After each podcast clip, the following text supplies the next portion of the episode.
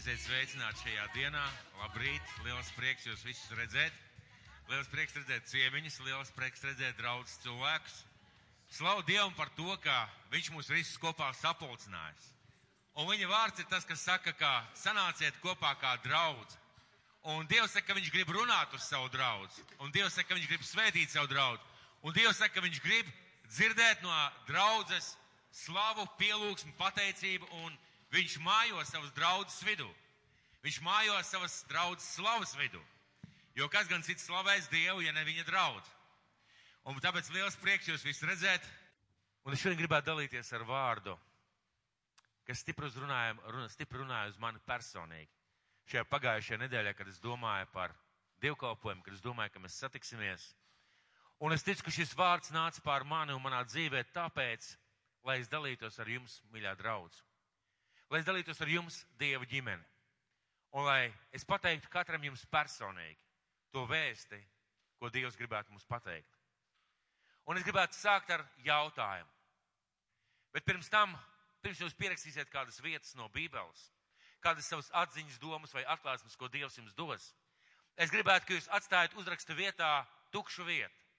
Vienkārši uzraksta vietā, un parasti es saku, vārds saucās šodien tā, bet atstājiet vienkārši tukšu vietu, kur mēs aizpildīsim pēc tam. Un es sākt gribētu ar jautājumu. Kāda atklāsme, kāda vēsts vai sapratne pēc tam, kad mēs saprotam, ka Dievs mūs mīl, ka Viņš nomira par mūsu grēkiem, kas samaksāja un ka mēs esam izglābti, visvairāk izmaina un iespaido manu dzīvi. Pēc vēsts par Jēzus Kristus nāvi augšām celšanos un mūžīgo dzīvību. Un ka tas pieder man. Kāda vēsts visvairāk iespaido un izmaina manu dzīvi? Ko jūs domājat? Ko svētais gars visvairāk vēlētos mums draudzēji par Jēzu atklāt? Ko svētais gars visvairāk mums vēlētos par Kristu atklāt? Un ko viņš cenšas šodien visvairāk atklāt? Un eh, kas tev un man, ja mūsu situācijā, lai kā tā nebūtu, bēdīgi vai priecīgi, visvairāk būtu jāzina, jāsaprot katru dienu. Kas tas būtu, ko svētais gars gribētu pateikt, lai es saprotu katru dienu? Kas ir tas, kas visbiežāk aizmirstās un ko mēs neizdzīvojam? Kas ir tas, ko mēs visbiežāk aizmirstam un visbiežāk neizdzīvojam? Un es gribu atstāt šo jautājumu, es gribu atstāt jūs ar šo jautājumu. Es negaidu atbildes, bet es gribu jūs atstāt ar šo jautājumu.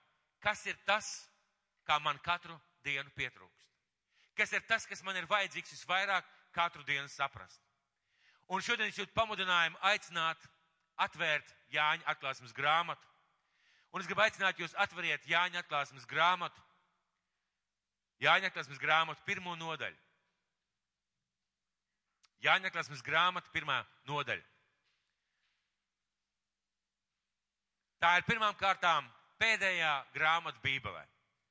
Pēdējā grāmata Bībelē, jeb uh, pēdējā grāmata, ko Svētais Gars aicināja uzrakstīt apustuļus un Dieva kalpus. Tā ir tā pēdējā vispārīgā vēsts Dieva tautai. Tev. Pēdējā tāda vispārīgā vēsts tev. Katram cilvēkam. Un mums tā ir atklāsmes grāmata, bet ziniet, kas ir svarīgi saprast? Jānim tas bija reāls piedzīvojums. Viņš to nedzirdēja no kāda, viņš to nevarēja izlasīt. Tas bija viņa reāls piedzīvojums viņa dzīvē. Un, kad mēs lasām Jāņa atklāsmes grāmatu šos pirmo nodaļu, mēs lasīsim, jūs ieraudzīsiet nemiņas no rituāliem, no miņas no tradīcijām, nemiņas no kaut kā tāda, kurās pateikt stagnācija un draudzes tradīcija. Dzīva, patiesa, īsta realitāte. Ko piedzīvo Jānis un ko Dievs viņa aicina uzrakstīt un atstāt mums. Un Jāņa atklāsmes grāmata, pirmā nodaļa, sakot no pirmā panta. Un es gribētu jūs aicināt, atšķiriet savus bībeles. Ja kādam ir līdzi, nelasiet šeit, lai varbūt šīs, šīs te, uh, ekrāns paliek varbūt tam cilvēkam, kuram nav līdzi vai kādam ciemiņam vai atnācējam. Paņemiet savus bībeles vai savus telefonus, jaunie cilvēki. Paņemiet un lasiet līdzi, un mēs iedzināsimies tajos vārdos, un ir svarīgi redzēt visu kontekstu. Visu tekstu uz ekrāna var uzlikt tikai vienu pantu. Tātad lūdzu paņemiet savus bībeles un atveriet. Un lūk, Jānis atklāsmes grāmatā pirmajā nodaļā. Svētais gars caur Jānu raksta vārdus. Jēzus Kristus atklājums, ko viņam devis Dievs, lai rādītu saviem kalpiem, kam jānotiek drīzumā, un ko viņš sūtīdams savu eņģeli darīs zinām savam kalpam Jānim, kas apliecinājis Dievu vārdu un Jēzus Kristu liecību un visu, ko viņš redzējis. Svētīgs tas, kas lasa, un tie, kas klausās pravieša vēstījumu vārdus. Un tur to, kas šeit rakstīts, jo noliktais laiks ir tuvu. Un es gribētu jau sākt uzreiz ar šo trešo pantu. Bībele saka, svētīgs tas, kas lasa. Šī vēsts nav tikai pravietojums, tas nav tikai Bībeles teksts, bet vēsts mums, lai mūs pietuvinātu Dievam. Un, saku, svētīgs tas cilvēks, kas lasa un kas tur. Dievs pasaka svētīgs. Jānis septiņām draudzēm Āzijā. Žēlastība jums un miers no tā, kas ir, kas bija un kas nāk. Un no tiem septiņiem gariem, kas viņa goda krēsla priekšā. Kam ir šis vēstījums? Tā laika draudzēm un visām draudzēm līdz pasaules galam. Kāpēc, šis, kāpēc pirmais vārds ir svētīgs? Jo tas ir domāts visiem kristiešiem visā, visos laikos, un nevis kādiem kristiešiem, bet man, tev, tev, tev un tev. Mums visiem, un Dievs vārds saka, svētīgs, kas lasa, un tālāk ir sveiciens Jānis septiņām draudzēm Āzijā. Žēlastība jums un miers no tā, kas ir, kas bija un kas nāk, un no tiem septiņiem gariem, kas viņa goda krēsta priekšā un no Jēzus Kristus, kas ir uzticīgais liecinieks, mirušo pirmzemtais, zemes ķēniņu valdnieks, viņam, kas mūs mīlējis, kas mūs ar savām asinīm atsabinājis no mūsu grēkiem, un kas mūs darījis par ķēniņiem un priesteriem Dievam savam tēvam, viņam lai ir slava un vara mūžu mūžos. Āmen. Redzi, viņš nāk uz padebešiem. Viņu redzēs katra acis un tie, kas viņu dūruši. Par viņu vaimanās visas zemes ciltis. Jā, āmen. Es esmu alfa un omega, saka kungs Dievs, kas ir, kas bija, kas nāk, visu valdītājs. Es, Jānis, jūsu brālis un dalībnieks bēdās, valstībā, un Jēzus gaidās, biju salā, ko sauc par patmu. Dieva vārda un Jēzus liecības dēļ. Un Jānis šeit raksta, kā viņš saņēma. Un mums ir svarīgi, atcīm redzot, Dievam bija svarīgi pateikt, kā Jānis saņēma. Un šeit ir interesants vēsts iekšā tā kunga dienā. Tas nozīmē, ka Jānis bija lūkšanās. Nevis skatījās televizoru vai staigāja pa pludmali krabis lasīdams. Viņš bija lūkšanās tātad tā kunga dienā. Un Dievs viņam dod šo atklāsmu. Tā kunga dienā es tapu aizrauts garā un dzirdēju aiz manis balsi, kā bazūnas skanam. Jānis stāsta, kā viņš to pieredzēja. To, ko tu redzi, raksti grāmatā un sūti septiņām draudzēm. Efezā, Smirnā, Pergamā, Tieterā, Sardos, Filadelfijā un Laudiķijā. Un pieliksim klāt arī mūsu draudz un draudzē cerību.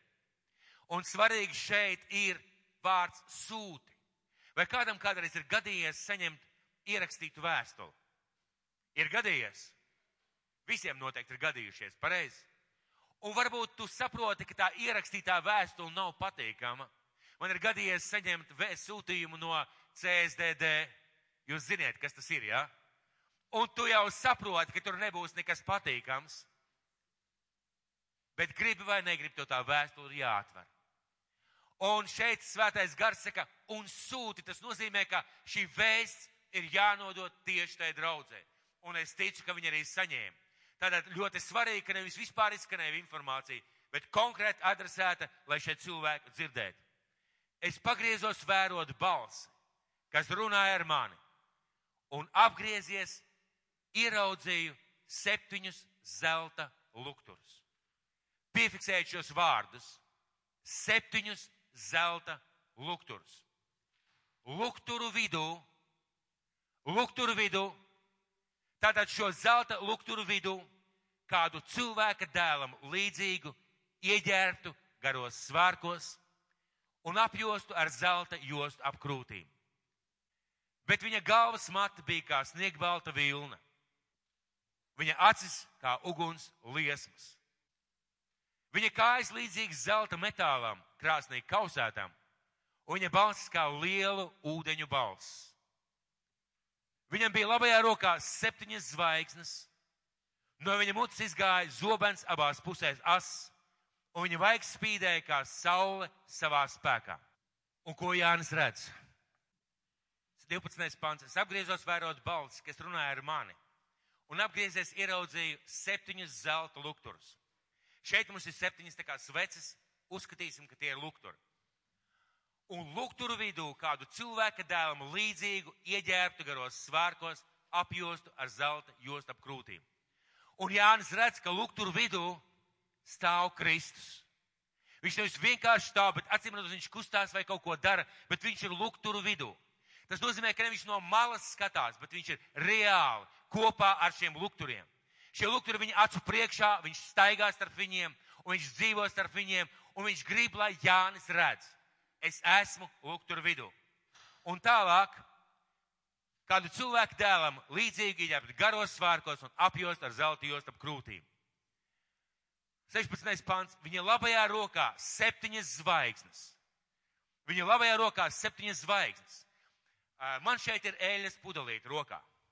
Bet Jānis redz, ka viņš tur rokā reāli septiņas zvaigznes. Un Jānis redzēja, viņš bija tikai cilvēks, viņam bija vajadzīgas līdzības, viņš nespēja varbūt visu garīgi saprast, un Dievs viņam rāda, ka viņa rokā reāli ir septiņas zvaigznes. Un ja Jēzum pajautā tie mirkli, kas tev rokās, viņš teica, man rokā ir septiņas zvaigznes. Un Jānis redz, rokā reāli ir septiņas zvaigznes. Kāpēc tas ir svarīgi? To jūs uzzināsiet vēlāk. Viņa bija labajā rokā septiņas zvaigznes, un no viņa mutes izgāja zobens, abās pusēs ass, un viņa veiks spīdēja kā saule savā spēkā. Un kad es viņu redzēju, es nokritu viņa priekšā kā miris. Bet viņš man uzliks savu labo roku sacīdams, nebīsties, esmu pirmais, pēdējais un dzīvais. Un viņš redzēja un nokrīt. Viņš nokrīt no Dieva klātbūtnes, Dieva godības, no tās realitātes sajūtas, ka viņš ir Kristus priekšā. Viņš nokrīt no pielūgsmes un Dievs uzliek viņam savu roku un saka, nebīsties, esmu pirmais, pēdējais un dzīvais. Es biju miris un redzējis, esmu dzīves mūžu mūžām, un man ir nāves un elles atslēgas. Un tālāk sako vārdi, ko viņš saka Jānim. Tad nu raksti, ko tu redzēji, kas ir un kam jānotiek turpmāk. Trīs lietas. Viņš saka, raksti, ko tu redzēji, raksti, kas ir, un raksti, kam jānotiek nākotnē. Un par septiņiem zelta lukturiem. Tad nu raksti, ko tu redzēji, kas ir un kas, kam, kam notiek turpmāk. Un noslēpums par septiņām zvaigznēm, ko tu redzēji manajā labajā rokā, un par septiņiem zelta lukturiem. Un uzmanību, Jēzus saka, ka viņš bija lukturu vidū. Jānis redz, ka viņam labajā rokā ir septiņas zvaigznes, un Jēzus viņam atklāja šo noslēpumu, ko tu redzēji manā labajā rokā, un par septiņiem zelta lukturiem septiņas zvaigznes ir septiņu draudžu eņģeļi, un septiņu lukturi ir septiņas draudzes. Un ko Jēzus pasaka? Tev ir jāzina, ka es staigāju starp savām draudzēm. Tev ir jāzina, ka es neesmu tālu no savām draudzēm. Tev ir jāzina, ka es kopā ar viņām un ka eņģeļi, šīs zvaigznes, ir mācītāji un viņi ir manā rokā. Tas, ko Jānim bija jāieraug, pirmais un galvenais. Jā, viņš ieraudzīja, kā izskatās Jēzus, bet tas, ko Jānim bija jāieraug, ka Jēzus realitāte, draudzes dzīvē ir daudz lielāka nekā vispār mēs spējam iedomāties. Dieva klātbūtne, Dieva bērnu dzīvē ir daudz lielāka nekā mēs pat spējam nojaukt, nojaust. Un tas ir ārkārtīgi svarīgi ieraudzīt to un saprast. Viņš tur rokās zvaigznes, un staigā starp septiņiem zelta rokturiem. Kāpēc sākās šis vēstījums? Svētīgs, kas lasa. Ir daudz iemeslu. Ja mēs paņemam šo visu pirmo nodaļu, ir daudz iemeslu, kāpēc mēs varētu būt svētīgi. Mēs varam ieraudzīt, kā cilvēks var saņemt atklāsmes. Ne televizoru skatoties, bet meklējot Dievu. Dievu meklējot, cilvēks var saņemt atklāsmi un vārdu no Dieva. Mēs varam ieraudzīt un saprast, cik svētīgs ir Jānis, cik mēs ļoti varam uzticēties tam, ko viņš raksta. Jo ja jau Jēzus viņu uzskatīja par cienīgu, dot caur viņu atklāsmi par nākamajām lietām, tas nozīmē, ka katram viņa vārdam var uzticēties, jo Kristus pats viņu akceptēja. Mēs varam ieraudzīt, ka Jēzus ir alfa un omega. Vai tas ir svētīgi? Tas ir brīnišķīgi svētīgi. Mēs varam saprast, ka viņš saka par sevi, es biju miris un augšām cēlies. Mēs varam ieraudzīt, kāds viņš garīgi izskatās. Mēs lasām par šiem zelta metālu, krāsnī kausēt, par viņa balsi, kā liela ūdeņa balsi. Mēs varam lasīt, mēs varam pievērst šīm lietām uzmanīgi. Bet šodien mēs esam svētīgi, jo viņš pasaka, es staigāju jūsu vidū. Es staigāju jūsu vidū. Es staigāju jūsu vidū, jūsu draudzes vidū. Un mēs zinām, ka draudzi tie ir cilvēki. Mēs zinām, ka draudz nav organizācija. Mēs zinām, ka draudz nav nams vai sienas. Patiesībā tas, ko Jēzus pasaka, es staigāju šādā veidā jūsu vidū. Es staigāju starp jums, es redzu jūs, esmu kopā ar jums, es esmu dzīvoju kopā ar jums, es jūs redzu. Un tas ir ārkārtīgi svarīgi šodien mums saprast un ieraudzīt. Un tā vēsts, kāpēc mēs esam svētīgi, mēs saprotam, ka Jēzus staigā mūsu vidū. Es staigāju ar katru personīgi kopā. Es esmu blakus. Un tu esi manā priekšā. Manas acis vienmēr mīlestībā tevi uzlūko. Un vārds, kuram jūs šobrīd varat uzrakstīt nosaukumu, viņš staigā mūsu vidū. Un pat ja tu neko citu neatcerēsies no šī dievkalpojuma, atceries šos vārdus. Viņš staigā mūsu vidū. Vai jūs atceraties lielo pavēlu? Vai kāds atcerās lielo pavēlu? Jēzus pēdējie vārdi, mēs to saucam par lielo pavēli. Ejiet, un patiesībā šajā pavēlē ir divas lietas. Ejiet un sludiniet evaņģēliju. Jūs ejiet un sludiniet evaņģēliju. Es esmu ar jums kopā ikdienas līdz pasaules galam. Lielajā pavēlē ir divas lietas, ko Jēzus pasaka, kas mums būtu jāzina. Jūs ejiet un sludināt, bet es ikdienas esmu jūsu vidū. Ikdienas esmu jūsu vidū. Un šī atklāsme, šī sapratne mūs visvairāk izmaina.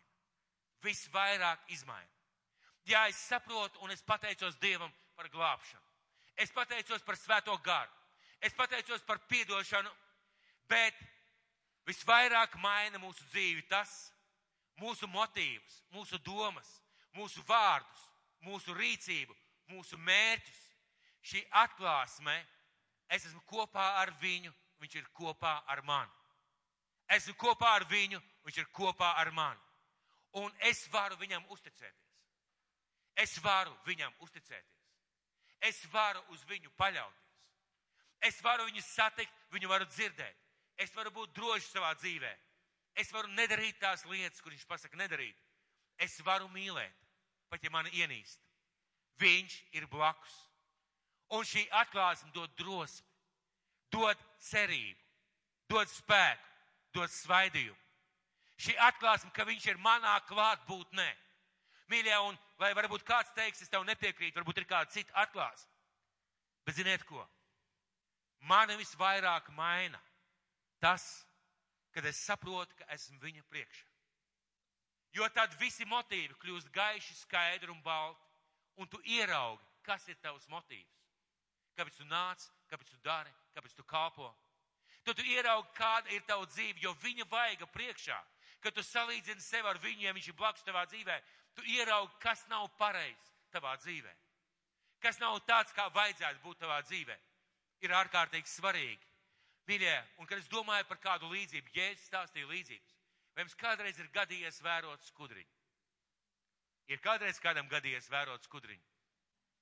Kā jūs domājat, kā jūs izskatāties skudras acīs? Kā jūs izskatāties skudras acīs?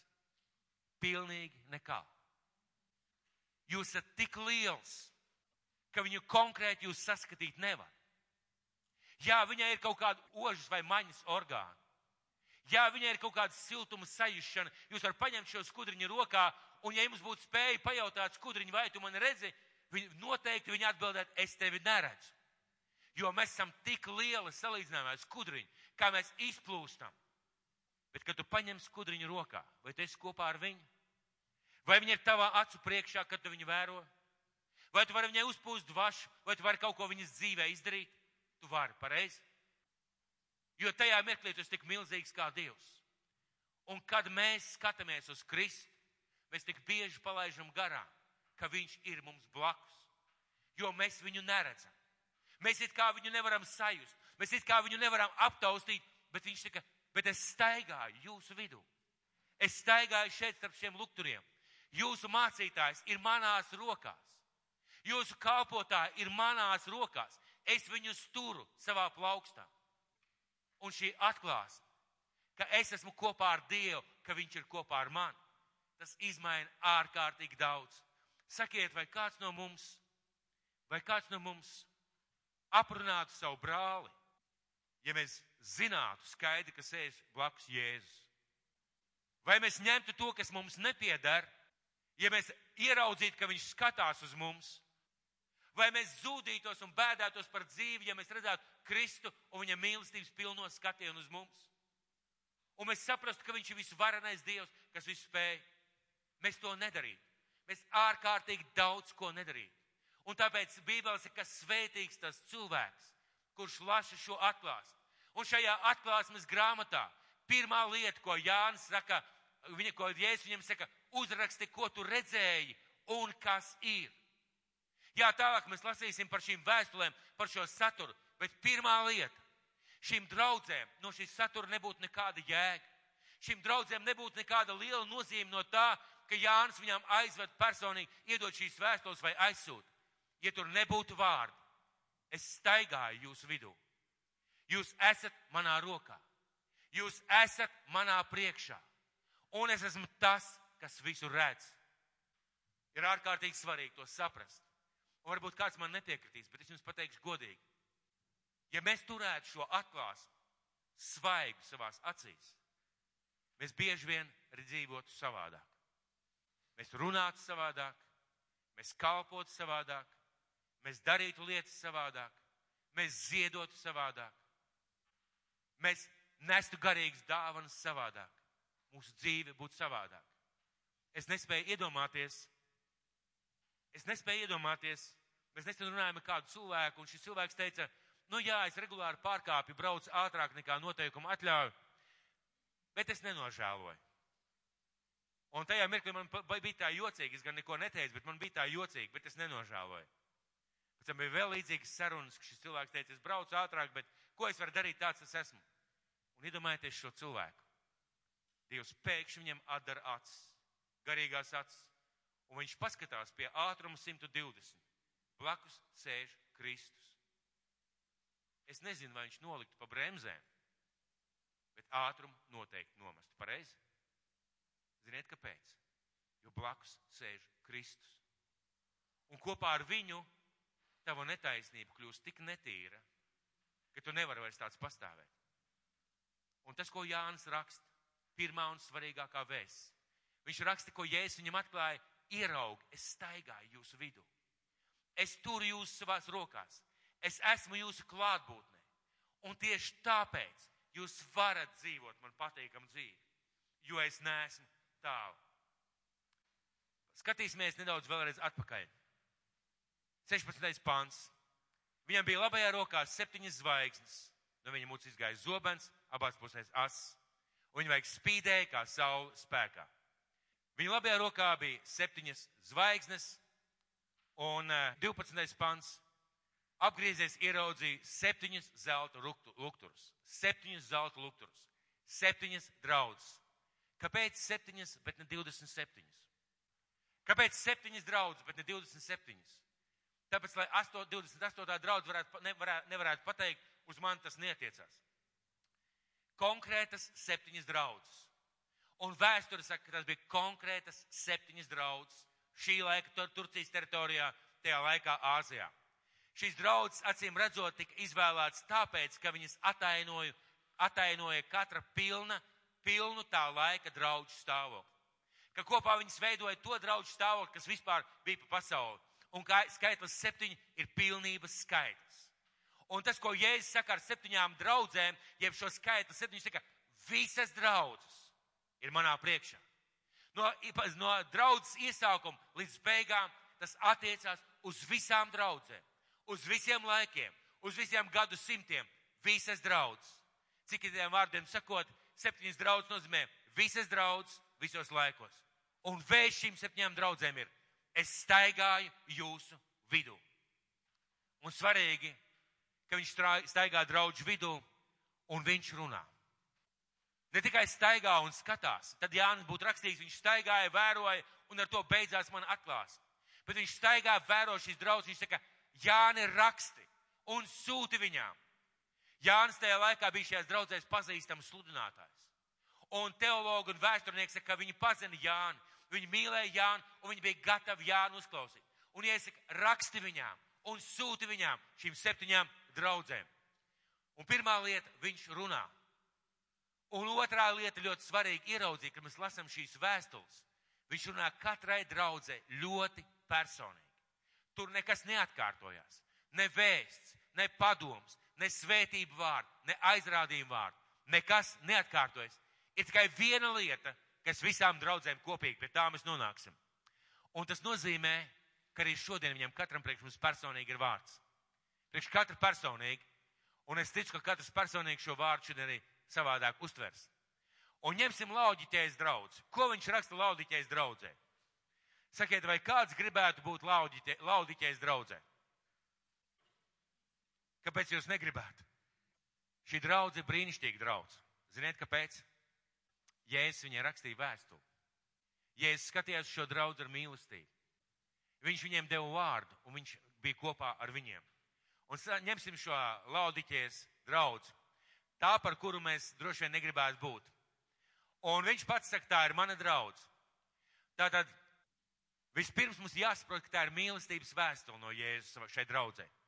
Jo mēs atceramies, ka Jāņa, nevis Jāņa, bet vēstulē korintiešiem, ko Jēzus saka, ja es zinātu visas dziļumus, visas atklāsmes, ja man būtu spēks kalnus pārcelt, bet man nebūtu mīlestības, es neesmu nekas.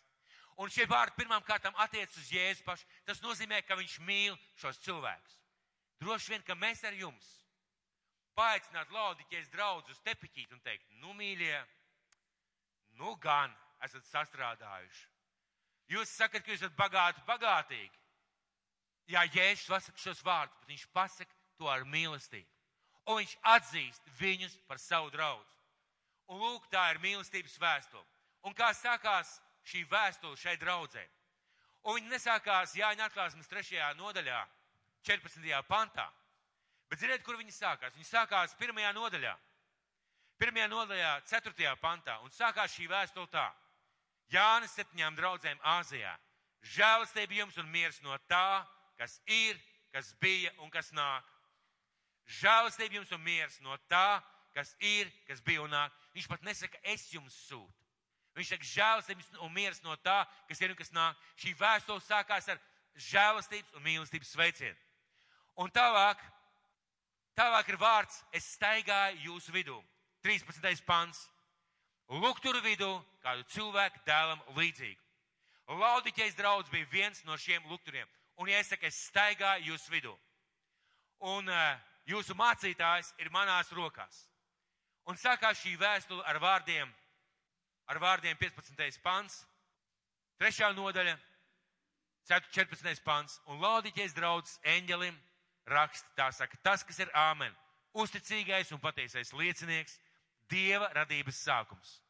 Es zinu. 15. pants sākās, es zinu. Es zinu, es pazīstu. Es, es zinu un pazīstu tāpēc, ka es kopā ar jums tavus darbus. ka tu neesi ne augsts, ne karsts. Kaut jau tu būtu augsts vai karsts. Tā kā tu esi remdens, ne augsts, ne karsts, es tevi izpļaušu no savas mutes. Tu saki, esmu bagāts, bagātīgi, un man nav nekāda trūkuma. Bet tu nezini, ka tu esi nelaimīgs, nožēlojams, nabags, akls un kails. Es tev došu padomu. Pēc no manis zelta, ugunskvēlē kausēt, lai tu būtu bagāts un baltas drēbes, lai tu apsektos. Un tavu kailumu kauns neatklātos, un acu zāles, tavas acis svaidīt, lai tu kļūtu redzīgs. Jo ko es mīlu, to es pārmācu. Un pamācu, tad nu iekarsies un atgriezies. Redzi, es stāvu durvju priekšā un klaudzinu. Ja kas dzird manu balsi un durvis atdara, es ieiešu pie viņa un turēšu ar viņu mīlestību, un viņš ir mani. Tam, kas uzvar, es došu sēdēt pie manis, uz mana goda krēsla, tā, kā esmu uzvarējis un sēdu pie mana tēva, uz viņa goda krēsla, kam ausis lai dzird, ko gars saka draudzēm. Un 15. pantā viņš saka, es zinu tavus darbus. Un tad viņš parāda viņu reālos darbus. Viņš saka, es zinu, ka tu neesi ne augsts, ne karsts. Kaut jau būtu augsts vai karsts. Es zinu, ka tu esi remdens, ne augsts, ne karsts. Es tevi izpļaušu no savas mutes. Tu saki, es esmu bagāts, bagātīgi, man nav nekāda trūkuma, bet tu nezini, ka tu esi nelaimīgs, nožēlojams, nabaks, akls un kails. Viņš parāda viņiem reālo stāvokli. Mīlošais Jēzus parāda šai draudzē reālo stāvokli. Viņš skatās uz šo lukturu, viņš redz, kāda tā draudz, viņš parāda šo reālo stāvokli. Un Jēzus mums nekad nav aicinājis būt strausiem. Ziniet, kā dara strauss? Viņš iebāž galvu smiltīs. Un tagad bieži vien Dieva vārds runā uz mums, caur cilvēkiem, caur mācītāju, caur vārdu, caur kādām citām lietām. Dieva vārds runā uz mums, mēs bieži mīlam iebāzt galvu smiltīs kā strauss, lai nedzirdētu patiesību. Un ja es mīlestībā nāk pie šīs draudzes, saka, es zinu, es zinu tavus darbus. Es zinu, ka tu neesi augsts, ne karsts. Es zinu, ka tu saki, esmu bagāts, bagātīgi. Man nav nekāda trūkuma. Es zinu, jo esmu kopā ar tevi. Tu nesaproti, ka es tevi redzu, bet es tevi redzu un es zinu. Bet 18. pantā viņš saka, es tev došu padomu. Kad Kristus runā, viņš nekad nenotiesā, nenosoda vai nepasaka, cauri ir ar tevi. Viņš saka, pirmām kārtām, tu esi mana draudz. Es staigāju tavā priekšā. Kaut tu esi pilnīgi iegrimis grēkos un nepareizās lietās. Es staigāju kopā ar tevi. Esmu tavā priekšā, tavā vidū. Un viņš viņiem dod padomu. Viņš kā tēvs, mīlošais tēvs, dod padomu. Viņš parāda reāli stāvokli un 18. pantā viņš saka, es tev došu padomu. Pēc no manas zelta, ugunskvēlē kausēt, lai tu būtu bagāts un baltas drēbes, lai tu apsektos, un tava kailuma kauns neatklātos, un acu zāles tevi svaidīt, lai tu kļūtu redzīgs. Jo ko es mīlu, to es pārmācu. Ļoti iespējams, ka mēs ar jums, kā jau es teicu, mēs būtu ļoti norājuši šo draudzu. Tas, kā Jēzus izpauž savu klātbūtni šo cilvēku dzīvē, viņš saka, to, ko es mīlu.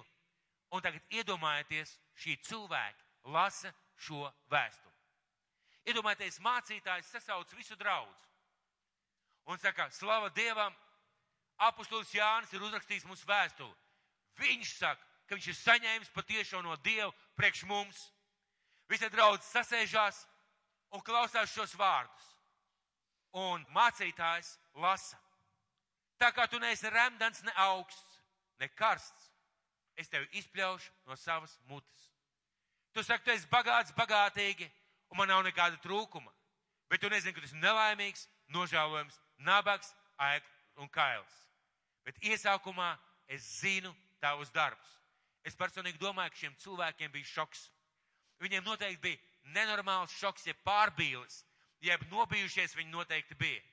Iespējams, kāds ignorēja, teica, nē, nē, Jāni, tu neesi pareizi uzrakstījis, tu neesi pareizi saprats, bet vēsts ir, es staigāju tavā vidū. Un 19. pants, ko es mīlu, to es pārmācu, tad nu iekarsies un atgriezis. Un 20. redzi, es stāvu durvju priekšā un klaudzinu. Ja kas dzird manu balsi un durvis atdara, es ieiešu pie viņa un turēšu ar viņu mīlestību, un viņš ar mani. Un atkal viņš saka, es stāvu pie tavām durvīm. Es stāvu pie tām durvīm. Zini, kas ir interesanti? Jēzus šodien stāv pie mūsu durvīm. Un tā nav teoloģiska frāze. Tā nav teoloģiska frāze. Laikam labākais, ko es šodien varētu pateikt, tu esi viņa priekšā. Viņš staigā tavā vidū. Viņš staigā kopā ar tevi. Un viņš klaudzina. Mums visiem dzīvē ir lietas un sfēras, kurām vajadzētu mainīties no izpratnes, ka Jēzus ir kopā ar mums. Visiem. Un es ticu, ka mēs būtu savādāki, kā draudzi, kā cilvēki. Un Jēzus mūs nevienu nenoraksta. Jēzus nevienu nenoraksta par šo draudzi, kurai bija tik daudz dažādu problēmu. Jēzus saka, es došu tev padomu. Bet tev ir jāmēģina sadzirdēt, saklausīt to, ko es tev saku. Un es dodu tev padomu, dari tā un tā. Un tālāk es, es tev gribu dot šo padomu. Un tālāk tam, kas uzvar, es došu sēdēt pie manis uz mana goda krēsla. Tā, kā esmu uzvarējis un sēdu pie mana tēva uz viņa goda krēsla. Un tālāk ir apsolījums, reāls apsolījums svētībām. Un viņš pēdējā pantā, kam ausis, lai dzird, ko gars saka draudzēm, viņš saka, gribiet dzirdēt, vēlieties dzirdēt, ilgojieties dzirdēt, ko gars saka draudzēm. Un Jēzus ir tev blakus, kad tu gulies, kad tu celies, kad tu strādā, kad tu kalpo, kad tu runā. Viņš zina tavus darbus, viņš zina tavus motīvus, viņš zina tavas domas, vārdus un darbus. Viņš visu zina. Bet bieži vien šie atklāsmes, viņš visu zina, mums nāk kā nosodījums. Viņš skatās uz mani kā bargais tēvs. Kādreiz skolā bija, nezinu, vecos laikos skolotāji.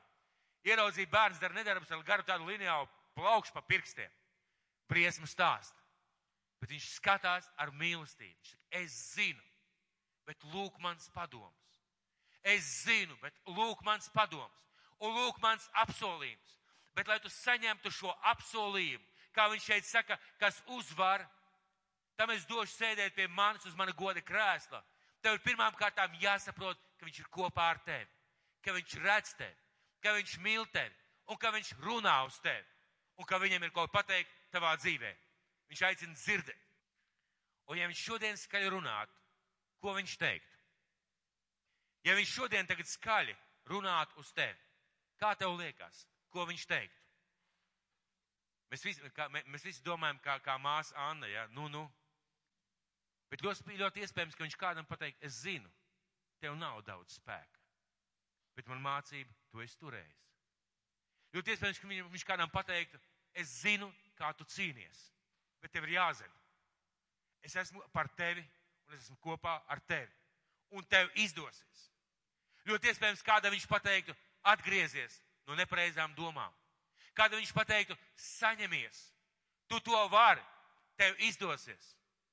Ļoti iespējams, kādam viņš pateiks, kāds ir tavs motīvs. Ļoti iespējams, kādam viņš pateiks, atgriezies no savām nepareizajām rīcībām. Vienu iemeslu dēļ. Es zinu un es gribu tevi svētīt. Šie pēdējie vārdi tam, kas uzvaras došu sēdēt uz manu godu krāstu, liecina par to, ka viņš vēlās svētīt. Viņš vēlās dot. Viņš vēlās sēdināt sev blakus. Bet, lai tas notiktu, tev ir jādzird tas, ko viņš saka. Un jāsaprot, es esmu viņa priekšā.